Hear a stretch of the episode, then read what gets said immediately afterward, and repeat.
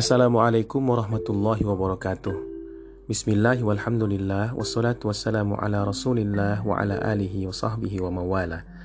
Sahabat-sahabat yang dimuliakan Allah subhanahu wa ta'ala Kita jumpa kembali pada serial kita Jejak Rasul Kali ini pada episode yang ke-12 Tempo hari sudah kita ceritakan tentang kisah perjalanan Nabi Muhammad SAW dalam kafilah dagang bersama paman beliau Abu Talib ke daerah Syam, di mana di tengah jalan mereka bertemu dengan pendeta Bahira di daerah Busra yang kemudian mengungkap ciri-ciri kenabian dari Rasulullah SAW ini lalu memesankan kepada Abu Talib agar keponakannya ini dipelihara baik-baik, dijaga utamanya dari pandangan orang-orang Yahudi yang berkemungkinan juga memahami bahwa beliau adalah calon nabi dan ada maksud untuk berbuat hal yang tidak di, eh, tidak menyenangkan kepada Rasulullah.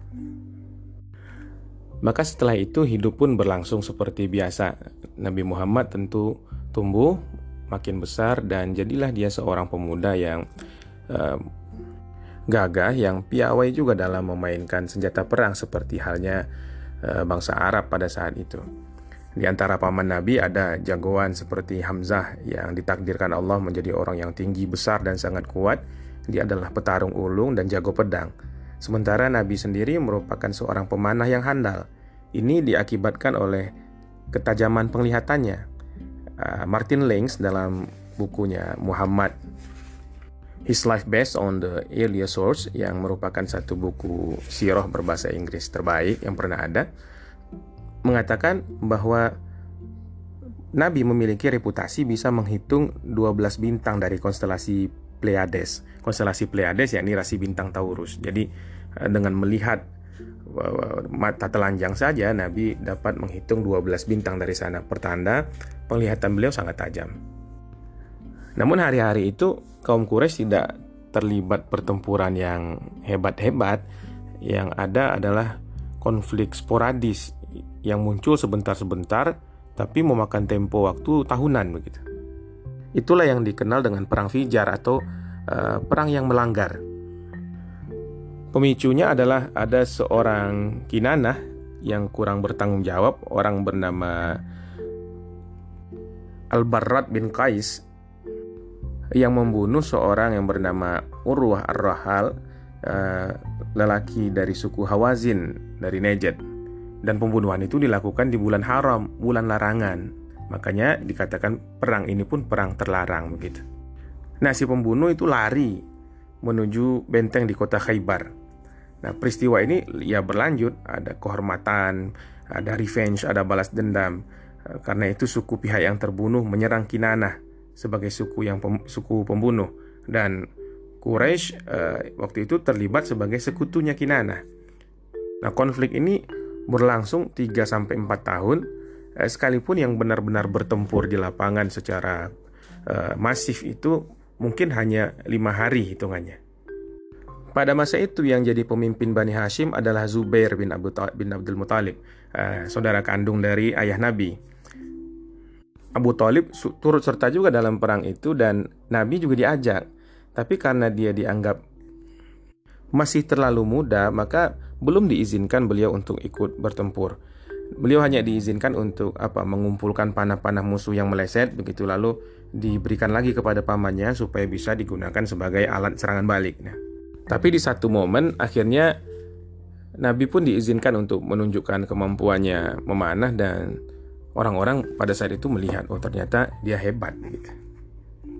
Di sini kita belajar tentang satu kata keterlibatan. Seorang yang akan jadi orang besar di masyarakatnya mestilah terlibat dalam masyarakat itu. Dia mesti hadir, dia mesti berafiliasi dan berpartisipasi, juga berkontribusi di dalam masyarakatnya.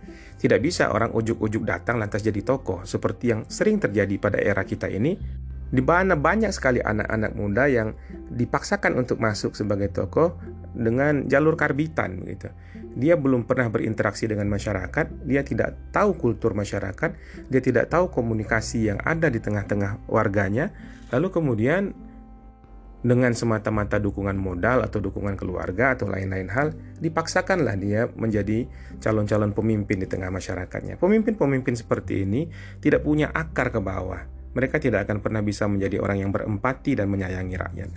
Beda dengan cara Nabi kita terlibat di dalam masyarakatnya.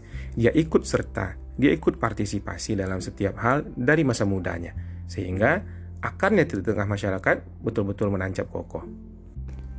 Perang ini kemudian menumbuhkan satu perasaan kurang puas terhadap sistem yang ada. Sebagian pemuka Quraisy itu kan sudah pernah berjalan ke Suriah. Mereka menyaksikan langsung bagaimana di situ di Syria sebagai bagian dari kerajaan Roma pada saat itu ada pengadilan tempat hukum ditegakkan. Sementara hukum padang pasir ya diselesaikan dengan peperangan demikian. Sebagian mereka juga pernah uh, rehlah bersafar ke daerah Abisinia, di situ juga orang bisa meraih keadilan tanpa harus bertempur. Hal ini yang tidak ada di ranah Arab, tidak ada sistem hukum, tidak ada tempat orang yang dizolimi mengadu, korban kriminalitas tidak bisa dapat ganti rugi. Nah, ini semua menjadi sebuah evaluasi publik dan para tokoh kemudian memikirkan bagaimana ya caranya untuk mencegah peristiwa seperti perang Fijar kemarin itu terulang lagi karena perang yang melanggar uh, bulan haram, perang yang melanggar satu tradisi yang sangat dijaga selama ribuan tahun, itu betul-betul memalukan bagi mereka. Di momen itu pula ada seorang pedagang dari pelabuhan uh, Yaman di Zabit yang menjual barang-barang berharga pada seorang uh, terkemuka lah dari Bani Saham. Cuma karena posisi sosial yang kuat, uh, orang ini pemuka Bani Saham ini tidak mau bayar begitu. Jadi barang diambil, harga disepakati, tapi tidak kunjung dibayarkan. Si pedagang sendiri karena orang asing di Mekah tidak punya teman, tidak punya keluarga, tidak punya afiliasi dan cantolan ke mana-mana, ya terpaksa pasrah.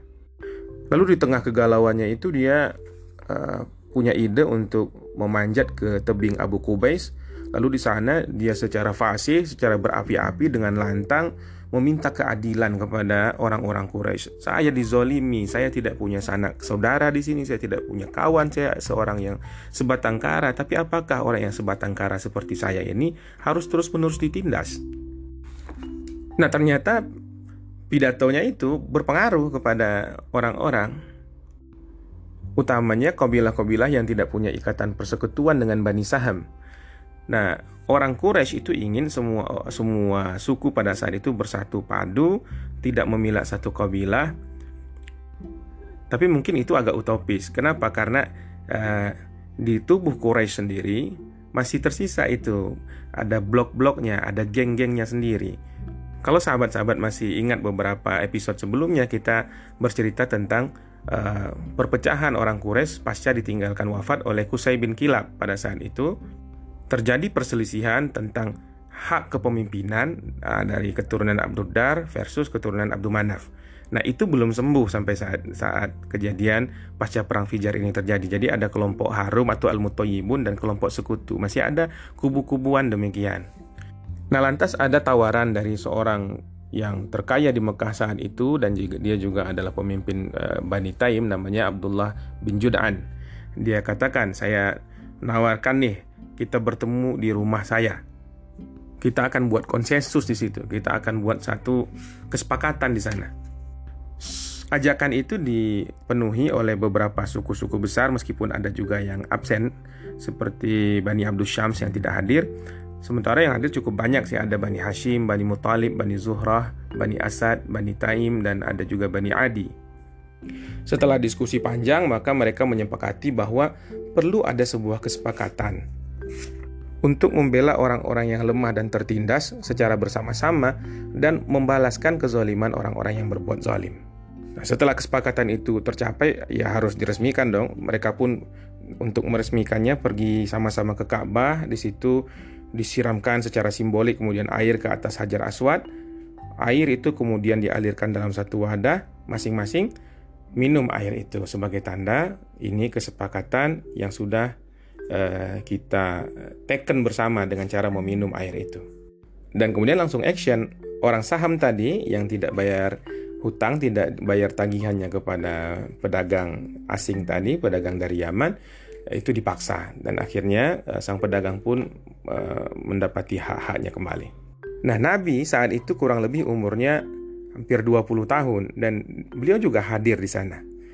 Nah, di kemudian hari Nabi bercerita, aku hadir di rumah Abdullah bin Jud'an pada pembuatan satu perjanjian yang istimewa, hilful fudul, perjanjian istimewa, perjanjian kehormatan begitu, hilful fudul. Aku tidak akan menggantikan kehadiranku pada saat itu meskipun dikasih unta merah. Maksudnya kata Nabi, ini diriwayatkan dalam hadis riwayat Imam Baihaqi ya. Uh, kalaupun aku, aku diberikan unta merah, ma uhibbu anna li bihi humrun ni'am Walau itu bihi fil Islam la ajabtu. Kalau itu harus dikonversi dengan harta, saya nggak mau karena perjanjian itu demikian berharga dan membekas pada diri saya. Dan kalau pada saat ini, maksud Nabi pada saat Islam sudah ada, ada lagi tawaran-tawaran untuk berjanji seperti itu, ada konsensus seperti itu, ada konvensi seperti itu, saya akan ikut lagi. Jadi Islam sangat menghargai kesepakatan pada hal yang baik-baik. Islam sangat menghargai persatuan. Islam menghargai perjanjian-perjanjian yang uh, mengarah kepada kemaslahatan bersama. Sekalipun tradisi itu datang dari masa lampau, Islam apa, sangat bisa beradaptasi dengan itu dan mengadopsi segala hal yang baik-baik demi kemaslahatan hidup di dunia karena Islam adalah rahmah bagi semesta alam.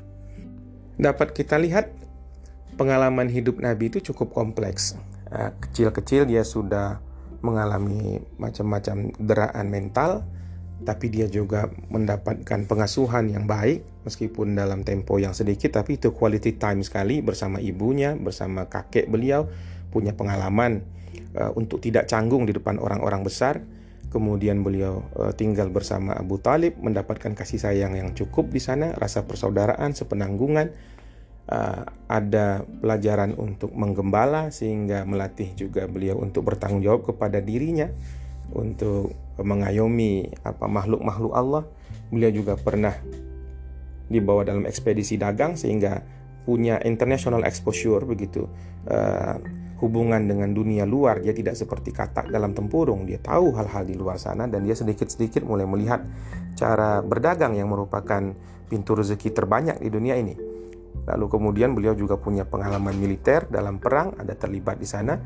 Beliau juga sewaktu muda sudah melihat bagaimana penyelesaian konflik sosial, bagaimana masyarakat uh, bersepakat, bagaimana masyarakat ber, bersyura, bermusyawarah dalam menyelesaikan soalan-soalan semasa dan ini sangat memperkaya kepribadian beliau. Uh, kini ini pada masa modern kita lihat ini pun terjadi pada anak-anak muda. Biasanya anak-anak muda yang matang itu terlibat dalam kemasyarakatan, dalam keorganisasian, dan dalam penyelesaian-penyelesaian konflik. Kalau dia tidak terlibat dalam hal itu, kalau dia tidak bisa memandirikan hidupnya, maka uh, dia akan jadi orang yang lemah di masa depannya. Nah, singkat kata, Nabi Muhammad telah lewat dari usia yang ke-20, nah, berarti sudah dewasa. Beliau pun kemudian sering diminta uh, mewakili untuk membawa dagangan orang-orang yang tidak mampu pergi berdagang sendiri. Dan beliau punya reputasi sebagai orang yang sukses dan juga sangat jujur. Hal itu membuat banyak orang yang menawarkan hal-hal serupa kepada beliau, menitip dagangan untuk dibawa dalam ekspedisi dagang.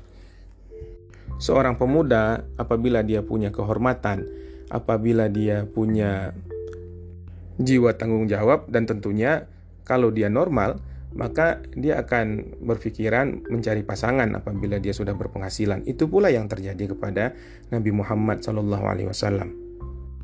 Dan dia melirik kepada saudara-saudara dekat sendiri karena memang orang Arab itu biasa menikah dengan kerabat dekat, biasa dengan bintul am, dengan anak paman. Saat itu Abu Talib memiliki tiga orang putra. Yang tertua Talib, itu sebaya dengan Nabi Muhammad. Yang kedua Akil, usianya 13 atau 14 tahun dan uh, yang kecil adalah Ja'far masih berusia 4 tahun. Ali belum lahir lagi pada masa itu. Nabi sayang sekali kepada tiga sepupu laki-lakinya ini. Tapi Nabi juga menaruh hati kepada uh, putri Abu Talib. Abu Talib memiliki beberapa putri dan pada saat itu ada yang sudah mencapai usia layak nikah. Namanya adalah Fakhitah. Namun uh, panggilannya adalah Ummu Hani. Pelan-pelan Nabi mulai mendekati pamannya lalu dia katakan maksudnya yakni untuk melamar putri paman beliau tersebut Ummu Hani untuk diperistri. Tapi sayangnya Abu Talib sudah punya rencana lain. Maksud hati Nabi itu sudah didahului oleh seorang bernama Hubairah, putra dari saudara ibunya Abu Talib dari Bani Makhzum. Nah, Hubairah pada saat itu ya dibandingkan dengan Nabi tentu lebih kaya. Dia juga terkenal sebagai seorang penyair yang berbakat, seperti juga Abu Talib itu penyair. Lagi pula, eh, kekuasaan Bani Hashim pada saat itu semakin merosot, sementara Bani Makhzum itu sedang dalam posisi puncak-puncaknya di saat itu. Abu Talib punya maksud baik yang lain uh, dari penerimaannya terhadap lamaran Hubairah itu ini bisa menyatukan dua bani besar dan kemudian ini bisa menjadi sebuah kekuatan baru yang tentu bermanfaat untuk kemaslahatan publik dari kedua-dua suku ini. Maka uh, Abu Talib menjawab kepada keponakannya itu. Mereka sudah menyerahkan putri mereka dulu kepada keluarga kita untuk dinikahi. Maksud Abu Talib itu adalah ibunya sendiri, karena istri dari Abdul Muthalib adalah orang dari Bani Makhzum. Maka kita sebagai pihak keluarga pria yang baik, yang terhormat, haruslah membalas kebaikan mereka itu. Nah, tentu ada kecewa di hati Nabi pada saat itu, tapi beliau dengan sopan dan dengan lapang dada menerima keputusan pamannya itu. Tapi namanya jodoh ya tidak tertukar. Maka setelah kejadian kejadian itu, lamarannya yang ditolak pamannya atas Ummu Hani, Rasulullah mendapat ganti yang jauh lebih baik. Tersebutlah seorang saudagar yang kaya di Mekah. Dia seorang wanita namanya Khadijah binti Khuwailid dari Bani Asad. Beliau ini punya hubungan sepupu dengan Warakah bin Naufal, penganut Nasrani yang kita ceritakan pada edisi sebelumnya yang juga punya saudara uh, bernama Kutailah yang dulunya sempat minta dinikahi uh, oleh kepada Abdullah ayah Rasulullah SAW. Khadijah ini di, dikenal sebagai wanita terhormat Quraisy, masih sepupu jauh dari Bani Hashim. Beliau ini mengumpulkan banyak fadilah pada dirinya Beliau adalah orang yang terkenal cantik, nasabnya adalah nasab orang terhormat, dia sangat kaya dan dia sangat uh, uh, menjaga kehormatan diri. Uh, dikenal julukannya itu sebagai Afifah Tahirah, orang yang menjaga ifah dan orang yang suci. Beliau ini pernah menikah sebelumnya sebanyak dua kali, uh, punya anak tiga orang dari dua kali pernikahannya itu. Dan setelah pernikahannya kedua selesai karena suaminya wafat, Khadijah memusatkan perhatian untuk membesarkan anak-anak saja. Dia tidak ingin menikah lagi. Kabar tentang seorang pemuda yang piawai dalam menjalankan barang dagangan uh, sampai ke telinga Khadijah juga. Lalu Khadijah penasaran, bagaimana kalau saya titipkan saja dagangan saya kepada orang ini? Mudah-mudahan kerjasama ini bisa berlangsung baik. Begitu dalam hati Khadijah. Maka satu hari Khadijah meminta Nabi Muhammad untuk membawakan barang dagangannya ke Syria. Bayarannya besar, dua kali lebih baik daripada bayaran tertinggi yang pernah diberikan orang Quraisy karena memang beliau ini kaya ya. Dan dalam perjalanan itu eh, Khadijah mengutus seorang budaknya yang namanya Maisarah untuk mendampingi Nabi Muhammad SAW. Maisarah ini laki-laki, jadi Maisarah ini jangan salah kira namanya kalau di Indonesia Maisarah perempuan, tapi Maisarah yang di uh, minta oleh ditugaskan oleh Khadijah untuk mendampingi Nabi itu adalah seorang budak lelaki. Lalu berjalanlah kafilah dagang itu. Nabi Muhammad bersama Maisarah jalan ke arah Suriah sampai kembali di daerah Busra, tempat dulu mereka bertemu dengan Bahira. Pada saat itu Bahira sudah wafat dan digantikan seorang Nestor. Lalu Nabi beristirahat di bawah sebuah pohon. Pohon itu berada dekat uh, biaranya pendeta Nestor. Sang pendeta sebagaimana juga pendahulunya Buhaira melihat keanehan dan melihat tanda-tanda pada diri orang yang sedang bernaung di bawah pohon itu. Sang pendeta lalu keluar dari biara dan menghampiri Maisarah. Dia tanya, "Itu orang yang sedang duduk di bawah pohon yang sedang berteduh siapa? Kata Maisaro, laki-laki itu orang Quraisy, penduduk asli tanah haram. Lalu yang diingat sekali oleh Maisaro adalah kata-kata selanjutnya dari sang pendeta. Dia katakan, kamu ketahui orang itu pasti nabi. Dia pasti seorang nabi. Ucapan sang pendeta itu begitu terngiang-ngiang di telinga Maisarah. Apalagi di dalam perjalanan itu dia juga melihat bahwa orang ini berbeda. Dia tidak pernah menemui seseorang yang seperti ini. Bagaimana panas tapi tidak bisa menyengat kepada mereka. Dan bahkan Maisarah juga melihat satu visi secara selintas ada dua malaikat yang sedang menaungi Nabi Muhammad dari sungatan panas matahari itu yang dikisahkan oleh Ibnu Hisham dalam kitab sirahnya. Maka ekspedisi dagang itu pun uh, kembali pulang dan ketika dievaluasi transaksi itu ternyata sangat menguntungkan karena aset-aset yang dibawa itu terjual hampir dua kali lipat dari harga yang dibayarkan. Namun pusat perhatian Khadijah sudah tidak pada perdagangan itu lagi, beliau malah menaruh simpati kepada Nabi Muhammad Sallallahu Alaihi Wasallam. Kalau kita simak bagaimana uh, fisik Nabi Sallallahu Alaihi Wasallam, memang tidak salah kalau orang menyukai beliau. Hadis yang dibawakan oleh Imam Ahmad dikatakan bahwa Rasulullah SAW itu lam yakun bitawilil mumaghit. Beliau itu tidak berperawakan terlalu tinggi Uh, juga tidak wala bil qasiril mutaraddid. Dia tidak pendek pula sehingga diremehkan orang. Beliau itu punya perawakan sedang. Uh, wa kana rab'atan minal qaum. Ada rata-rata tinggi orang pada saat itu. Rambutnya tidak keriting bergulung-gulung tapi tidak juga lurus kaku, tapi rambutnya itu ikal bergelombang. Badan beliau tidak gemuk, dagunya tidak lancip dan wajahnya agak bundar. Kulitnya putih kemerah-merahan Matanya hitam pekat, bulu matanya lentik, bahu beliau bidang. Beliau memiliki bulu dada yang memanjang dari dada sampai ke perutnya. Telapak tangan dan kakinya tebal. Kalau beliau berjalan, jalannya tegap dan jalannya kencang seakan-akan beliau turun ke tempat yang rendah. Kalau beliau berpaling, maka beliau akan memalingkan seluruh badan. Nah, di antara kedua bahunya terdapat khotamun nubuwah yakni tanda kenabian. Beliau juga menarik karena Kata Imam Ahmad, beliau memiliki hati yang paling pemurah di antara manusia. Ucapannya adalah ucapan yang paling benar, perangainya sangat lembut, beliau ramah dalam pergaulan. Barang siapa yang melihat beliau pasti akan menaruh hormat kepadanya. Barang siapa yang pernah berkumpul bersamanya, kemudian mengenal dia, pasti akan mencintai dia. Kalau orang-orang menceritakan sifatnya, maka orang akan berkata, Lam ara qablahu wala ba'dahu mislah aku belum pernah melihat seorang yang sebelum dan sesudahnya yang seperti dia itu. Jadi Nabi ini memang orang yang sangat uh, istimewa secara fisik, secara perawakan, secara unggah-ungguh, secara tingkah laku, secara gesture dan sebagainya dia adalah orang yang sangat menawan. Ditambah lagi info-info dari Maisarah yang menceritakan kepada majikannya itu perihal bagaimana situasi Rasulullah selama uh, berjalan itu. Beliau uh, sangat menjaga akhlak, sangat jujur dan ada tanda-tanda uh, bahwa beliau itu adalah seorang nabi. Khadijah sebagai sepupu Warakah sudah pernah juga mendengar hal-hal seperti ini dan Khadijah menjadi amat tertarik kepada Rasulullah karena ini. Lalu beliau pun minta diperantarai komunikasinya lewat seorang yang bernama Nafisah atau ada juga yang melafazkan Nufaisah binti Muniyah.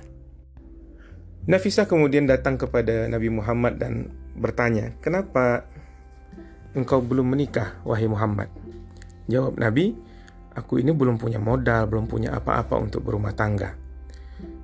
Lalu kata Nafisah lagi, "Kalau ada seorang wanita yang cantik, orang kaya, terhormat, berlimpah harta, apa kau bersedia?"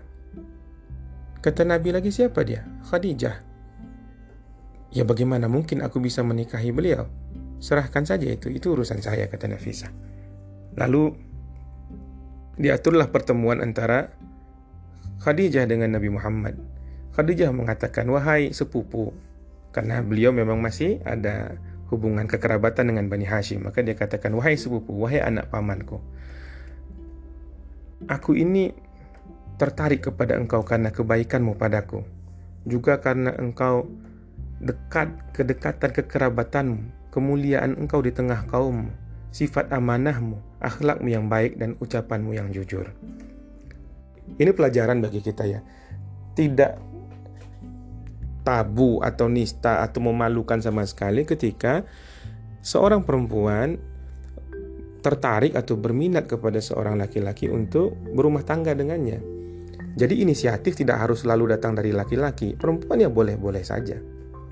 Sebagaimana apa yang dilakukan oleh Khadijah. Fisarahah rohah. Dalam keterus-terangan itu ada kenyamanan.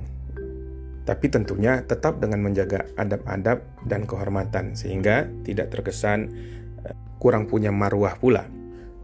Singkat cerita, uh, mereka pun bersepakat agar masing-masing bicara kepada pamannya. Khadijah bicara kepada paman beliau, Amr bin Asad. Sedangkan Nabi itu uh, yang diutus oleh Bani Hashim untuk mewakili beliau adalah Hamzah. Hamzah memang relatif muda, tapi beliau punya kedekatan dengan Bani Asad karena Hamzah punya saudara perempuan kandung namanya Sofia itu menikah dengan saudara lelaki Khadijah yang namanya Awam. Hamzah lah yang kemudian menemani Nabi Muhammad untuk melamar Khadijah. Nah, pada saat itu kesepakatan pun dicapai, lamaran diterima dan mereka eh, menyepakati bahwa mahar yang dibayarkan untuk pernikahan itu adalah 20 ekor unta betina. Saat pernikahan itu terjadi, Rasulullah SAW adalah seorang pemuda yang usianya 25 tahun. Sedangkan Khadijah adalah seorang yang sudah berusia 40 tahun dan sudah pernah menikah dua kali. Ini tidak menghalangi cinta mereka. Karena cinta dan kasih sayang yang dibangun dengan jujur akan menghadirkan ridho. Itulah yang membuat selis, persoalan selisih umur yang cukup jauh itu tidak lagi relevan. Di dalam masa-masa hidup Nabi ada lagi pernikahan yang lebih uh, jauh lagi rentang usianya dari ini, yakni pernikahan antara Zaid yang sempat menjadi anak angkat Rasulullah dengan ibu asuhnya Rasulullah, Ummu Aiman. Di seorang anak angkat menikah dengan seorang ibu asuh Nabi. Ini adalah perbedaan generasi yang sangat jauh. Tapi mereka bahagia dan dari pernikahan itu lahirlah seorang jenderal besar Islam, Usamah bin Zaid. Pernikahan Rasulullah SAW dengan Khadijah adalah pernikahan yang sangat berkah. Khadijah adalah orang yang sangat pandai memperlakukan suaminya dengan baik sehingga Rasulullah SAW merasa amat nyaman dengan Khadijah. Di hari-hari nanti ketika beliau diutus sebagai Rasul, di tengah kegoncangan jiwanya dalam menerima amanah wahyu yang amat berat itu, nah, kita saksikan juga peran Khadijah sangat sentral di sana. Istri adalah tempat tambatan hati bagi laki-laki. Secara fisik memang laki-laki lah yang melindungi perempuan. Tapi secara mental, secara hati, perempuanlah pelindung laki-laki karena dia adalah perempuan, tempat menambat hati, tempat berlabuh bagi seorang laki-laki maka ketenangan seorang perempuan dan pengayomannya di dalam rumah tangga amat sangat dihajatkan oleh lelaki mana pun yang berstatus sebagai suami. Pernikahan Rasulullah dengan Khadijah dikaruniai Allah putra-putri dan di antara istri-istri Nabi hanya Khadijah saja yang punya anak selain nanti Maria Al-Qibtiyah. Anak-anak Nabi yang laki-laki bernama Qasim dan oleh itu kunyah atau panggilan Rasulullah adalah Abul Qasim dan Abdullah. Sedangkan nanti anak laki-laki beliau dari Maria Al-Qibtiyah bernama Ibrahim. Semua anak laki-laki Rasulullah ini wafat ketika masih kecil. Jadi tidak ada anak laki-laki Nabi yang sempat dewasa. Ini hikmah tersendiri. Allah menjaga keluarga Nabi ini dari pemujaan-pemujaan dari orang yang hulu dan berlebih-lebihan dalam agama. Andai kata saja ada anak Nabi laki-laki yang hidup, maka kenabian itu mungkin akan diperlakukan orang-orang seperti satu faktor keturunan. Padahal agama ini adalah agama terakhir yang tidak boleh lagi ada penyimpangan sampai akhir zaman. Sementara anak-anak Rasulullah yang perempuan ada Zainab, ada Ruqayyah, ada Ummul Kulsum, dan ada anak yang paling disayangi oleh Nabi dan paling mirip dengan beliau yang bernama Fatimah. Di akhir sesi ini saya ingin menyampaikan beberapa hadis tentang keutamaan Khadijah radhiyallahu taala anha diriwayatkan oleh Imam Ahmad dan At-Tabarani dari Masruq dari Aisyah radhiyallahu taala anha. Beliau berkata bahwa hampir tidak pernah Rasulullah SAW itu keluar rumah selain menyebut-nyebut Khadijah dan terus-menerus memujinya. Pada satu waktu Rasul menyebutnya sehingga aku pun cemburu kata Aisyah. Lalu aku katakan, bukankah dia itu seorang yang sudah tua dan Allah sudah menggantikan untuk engkau orang yang lebih baik darinya. Nah, kendati Khadijah sudah wafat, tapi ada kecemburuan di hati Aisyah pada saat itu karena Rasulullah sering sekali menyebut nama Khadijah. Tapi pada saat itu Rasulullah marah. Dia katakan tidak, la wallahi. Tidak, wallahi Allah tidak pernah menggantikan untukku satu orang pun yang lebih baik darinya. Dia beriman ketika orang-orang ingkar. Dia membenarkan aku ketika orang-orang mendustakanku. Dia membela aku dengan hartanya ketika orang menghalang-halangi aku dari harta benda. Ketika aku diboykot dan aku dikaruniai Allah anak darinya sementara aku tidak punya anak dari orang lain. Nah, Nabi merasa berkesan sekali kepada Khadijah karena apa? Karena Khadijah menopang beliau di saat-saat sulit. Nah, inilah yang menjadi kenangan terindah bagi Rasulullah SAW. Terima kasihnya, rasa syukurnya kepada Khadijah amat mendalam karena Khadijah adalah orang yang awal-awal sekali menopang semua perjuangan Nabi, baik dari sisi mental, baik dari sisi harta benda dan lain-lainnya, dan itu tidak akan bisa digantikan oleh siapa pun, bahkan oleh Aisyah. Biasanya kalau ada konflik antara istri-istri Nabi, Nabi bercanda saja. Ada konflik antara Aisyah dengan istri-istri Rasulullah yang lain, itu Nabi tidak pernah marah begini. Tapi ketika Khadijah itu diungkit-ungkit, Nabi memang sikapnya menjadi berbeda. Itulah keutamaan Khadijah di hati Rasulullah Shallallahu Alaihi Wasallam. Dalam hadis riwayat Imam Bukhari, suatu ketika Jibril datang kepada Nabi SAW lalu katakan, Wahai Nabi, itu Khadijah sedang menuju kemari membawa wadah berisi kuah, makanan atau minuman gitu. Kalau dia nanti sampai kepada engkau, tolong katakan padanya, Tuhan kirim salam kepadanya dan aku juga. Faqra alaiha salamu min rabbiha wa minni. Jadi Khadijah ini dapat salam bukan dari penguasa, bukan dari orang populer, tapi langsung dari langit, dari Allah Subhanahu wa taala dan dari Jibril. Dan kata Jibril lagi, "Wabashir habibaitin fil jannah." Dan kabarkanlah kepadanya tentang sebuah rumah di surga. Rumah itu terbuat dari mutiara, tidak ada keributan di dalamnya dan tidak ada kepayahan apa pun di dalamnya. Itulah rumah untuk Khadijah di surganya Allah Subhanahu wa taala. Jadi Khadijah adalah orang yang sudah ditakdirkan masuk surga, yang dikabarkan posisinya di akhirat padahal beliau masih hidup. Dalam kesempatan lain lagi, pada sebuah hadis yang diriwayatkan oleh Imam Bukhari dan juga oleh Imam Muslim, Ali mendengar Rasulullah SAW berkata bahwa khairu nisa'iha Maryam binti Imran wa khairu nisa'iha Khadijah binti Khuwailid. Sebaik-baik wanita pada zamannya adalah Maryam binti Imran dan sebaik-baik wanita pula adalah Khadijah binti Khuwailid. Jadi Nabi menyetarakan kedudukan Khadijah ini dengan Maryam, ibundanya Nabi Isa alaihissalam. Itulah Khadijah, belahan hati Rasulullah, istri yang paling dicintai oleh Rasulullah SAW, pelindungnya tatkala mendapat serangan dari orang-orang, yang membesarkan hatinya ketika dia resah, yang menjadi pelipur lara apabila beliau sedih, yang menemaninya dengan setia di kala susah, yang tak ragu sepenuh cinta mengorbankan apa pun jua dari diri dan hartanya untuk menopang perjuangan suaminya yang mulia Muhammad Sallallahu Alaihi Wasallam. Pernikahan ini secara otomatis juga mengangkat posisi sosial Rasulullah di tengah masyarakat karena bagaimanapun di tengah-tengah masyarakat apalagi masyarakat Arab pada saat itu amat sangat berbeda posisi orang yang sudah berumah tangga dengan orang yang masih sendiri. Insya Allah besok kita sambung lagi cerita ini kalau kita ada umur dengan lanjutan kisah yakni masa kehidupan Rasulullah menjelang beliau diutus sebagai nabi. Subhanakallahumma wa bihamdika asyhadu an la ilaha illa anta astaghfiruka wa atubu. Assalamualaikum warahmatullahi wabarakatuh.